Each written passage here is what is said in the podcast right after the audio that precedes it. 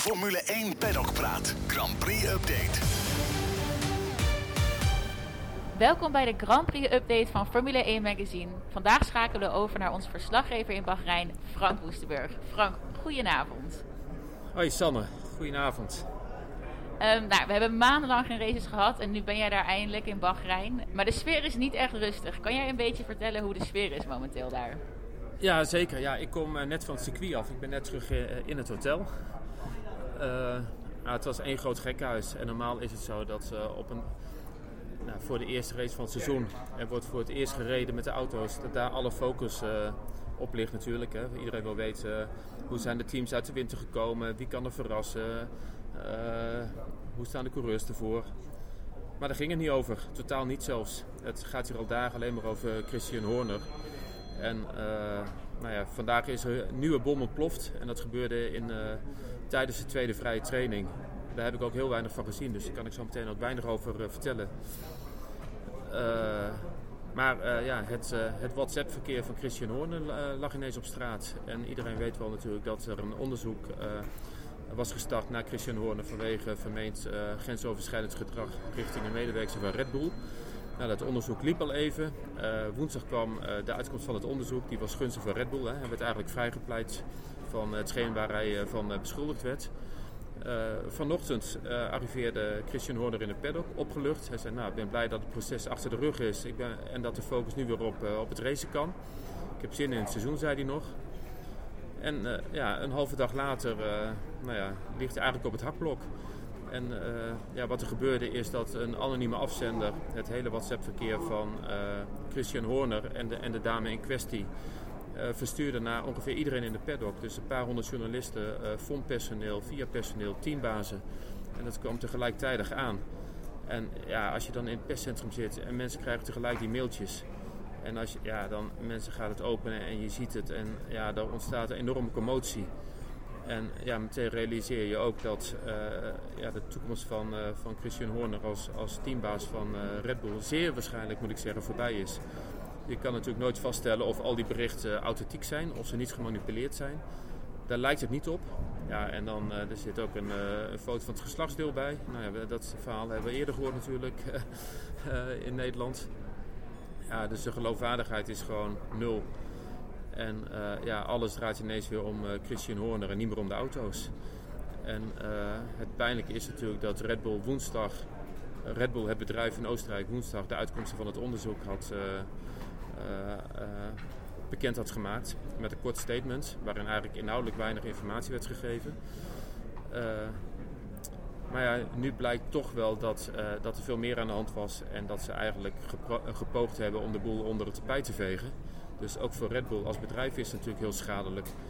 Uh, en dit kan wel eens een enorme impact gaan hebben. Uh, ook op Max Verstappen en op uh, Sergio Perez als, als de twee coureurs. Want ja, er zijn grote partners die, ja, die willen hier helemaal niet mee geassocieerd worden. Ford heeft, heeft natuurlijk al aan de bel getrokken en die hamerde op transparantie. Maar dat zal ook voor andere bedrijven gelden.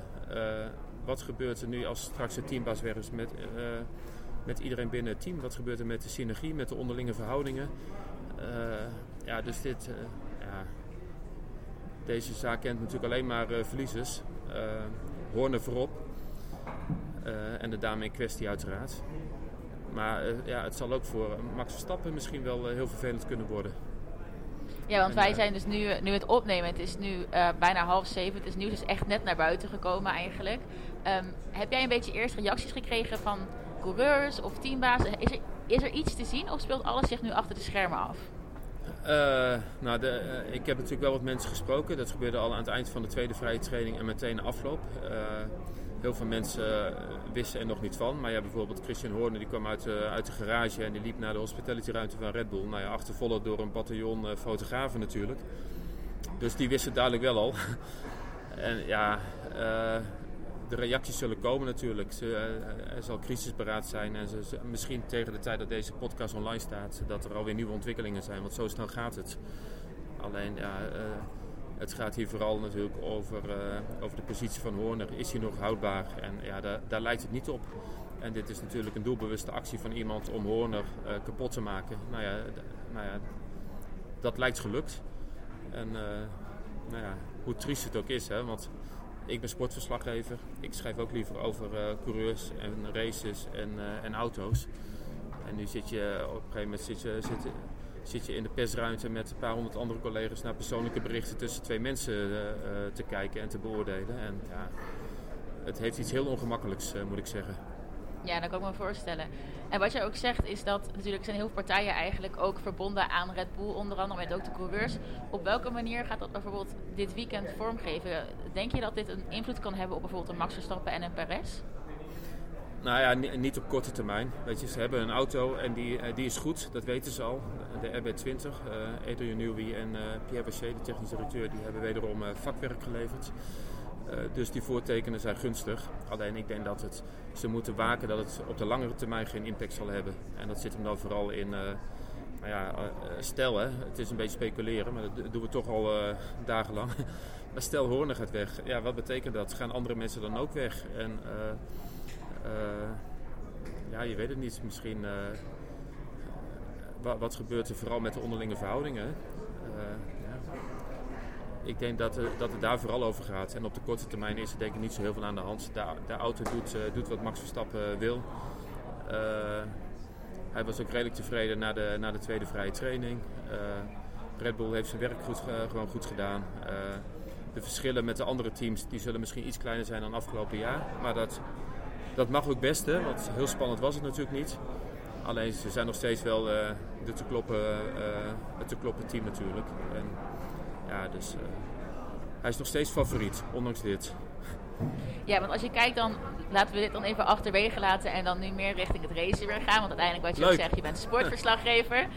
uh, als je kijkt naar de vrije trainingen beide keren stond Max niet bovenaan. Uh, voor mij de tweede is hij uh, onder andere 60 geëindigd en de Mercedes waren eigenlijk redelijk dominant. Is dit denk je een voorbode voor komend weekend? Of hoe kijk je hier tegenaan? Ja, ik vind het met vrije training altijd wel lastig om te zeggen, moet ik uh, eerlijk zijn. Want je weet natuurlijk nooit helemaal het programma van de teams. Iedereen wordt nog een beetje met de, of is nog bezig met de, met de, met de setup. Uh, ja, dus het is verregaande conclusies trekken is lastig. Alleen ik ga altijd meer over wat de coureurs na afloop zeggen. En dan merk je wel dat er bij Red Bull tevredenheid is over, uh, over hoe, de auto, hoe de auto werkt, hoe die reageert. ze waren ook tevreden over de longruns. Maar ook Mercedes is wel tevreden. Uh, ja, dus ik denk dat het achter, uh, achter Red Bull dat het, dat het best spannend kan worden tussen Mercedes, Ferrari, Aston Martin. Maar de grote verrassing denk ik toch wel, zal wel eens Racing Bulls, het voormalige Alfa Tauri kunnen worden met Daniel Ricciardo en Yuki Tsunoda. bij, de eerste twee, bij de eerste vrije training stonden ze ook bovenaan. Maar de auto die zij nu hebben, dat wordt dan gekscherend de RB19 genoemd. Hè, de, de auto van Red Bull van afgelopen jaar. Ja. En nou ja, dat, daar zit best wel een kern van waarheid in. Ze hebben natuurlijk veel informatie gedeeld. Uh, alles binnen de, de regels die er zijn. Uh, maar ik denk wel dat zij een grote stap voorwaarts kunnen maken.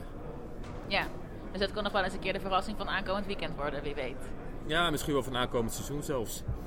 En uh, dat zou alleen maar leuk zijn natuurlijk. Precies. En nou, je zei net ook al van, je hebt Jos naar de hand nog gesproken na de tweede vrije training wat heeft hij verder nog gezegd over de race? Ik neem aan dat hij Max ook heeft gesproken. Uh, Max voelde zich ook gewoon verder goed over de training?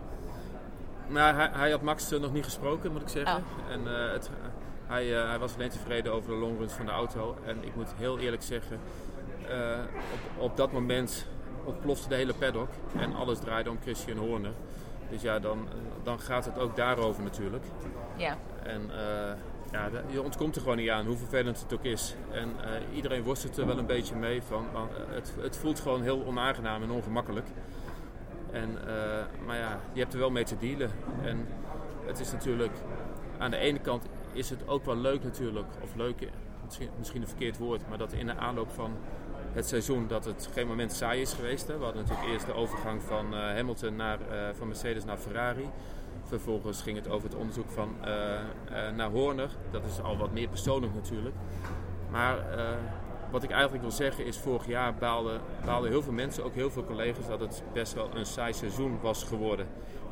Red Bull won 21 van de 22 races, Max won er 19. Spannend was het geen moment, zowel niet in het rijderskampioenschap als in het constructeurskampioenschap. En iedereen was een beetje bang dat dit ook de komende jaren nog het geval zou blijven. En er gebeuren ineens heel veel onverwachte dingen. En dan merk je toch dat de hele sport weer gaat leven, hè, weer tot leven komt.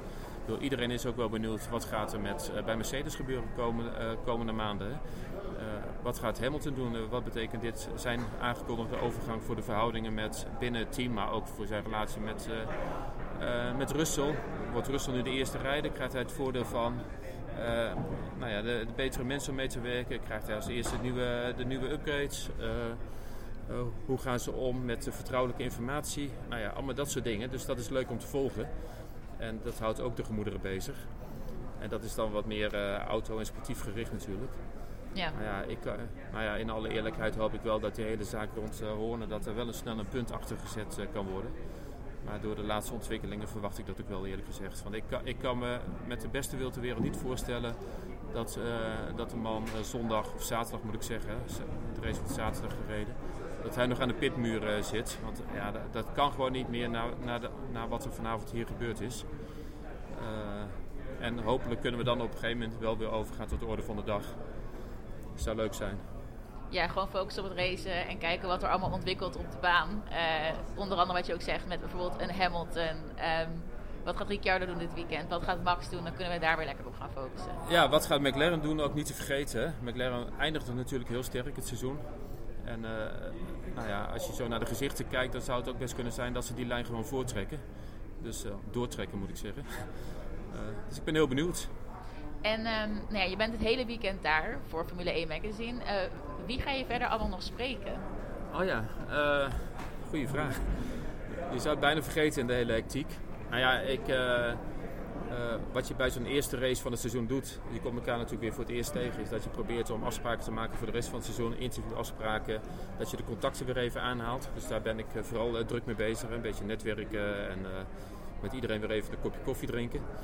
En, uh, en wat leuk is, ik heb, tenminste ik vind dat altijd leuk, ik heb morgenochtend toevallig een afspraak met uh, Graham Watson.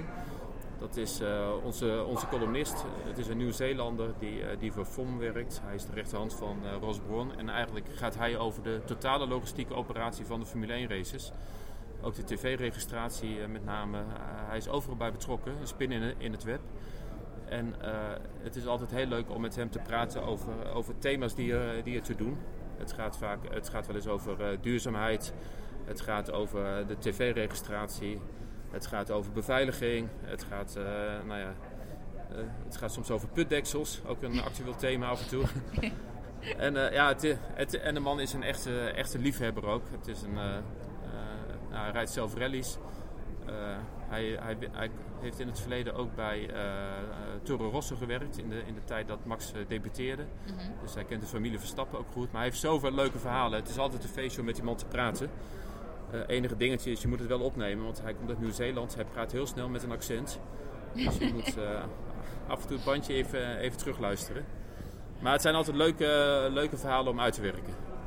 En ook iets om naar uit te kijken morgen, denk ik. Zeker, zeker. Um, nou ja, ik wil je dan verder nog vooral heel veel, uh, ondanks alle commotie, ook heel veel plezier wensen aankomend weekend natuurlijk. Uh, we zijn eindelijk weer van start, dus dat is heel fijn. En um, wij spreken jou ook weer naar de race. Ja, leuk en uh, nou, fijn weekend. Dankjewel, fijn weekend.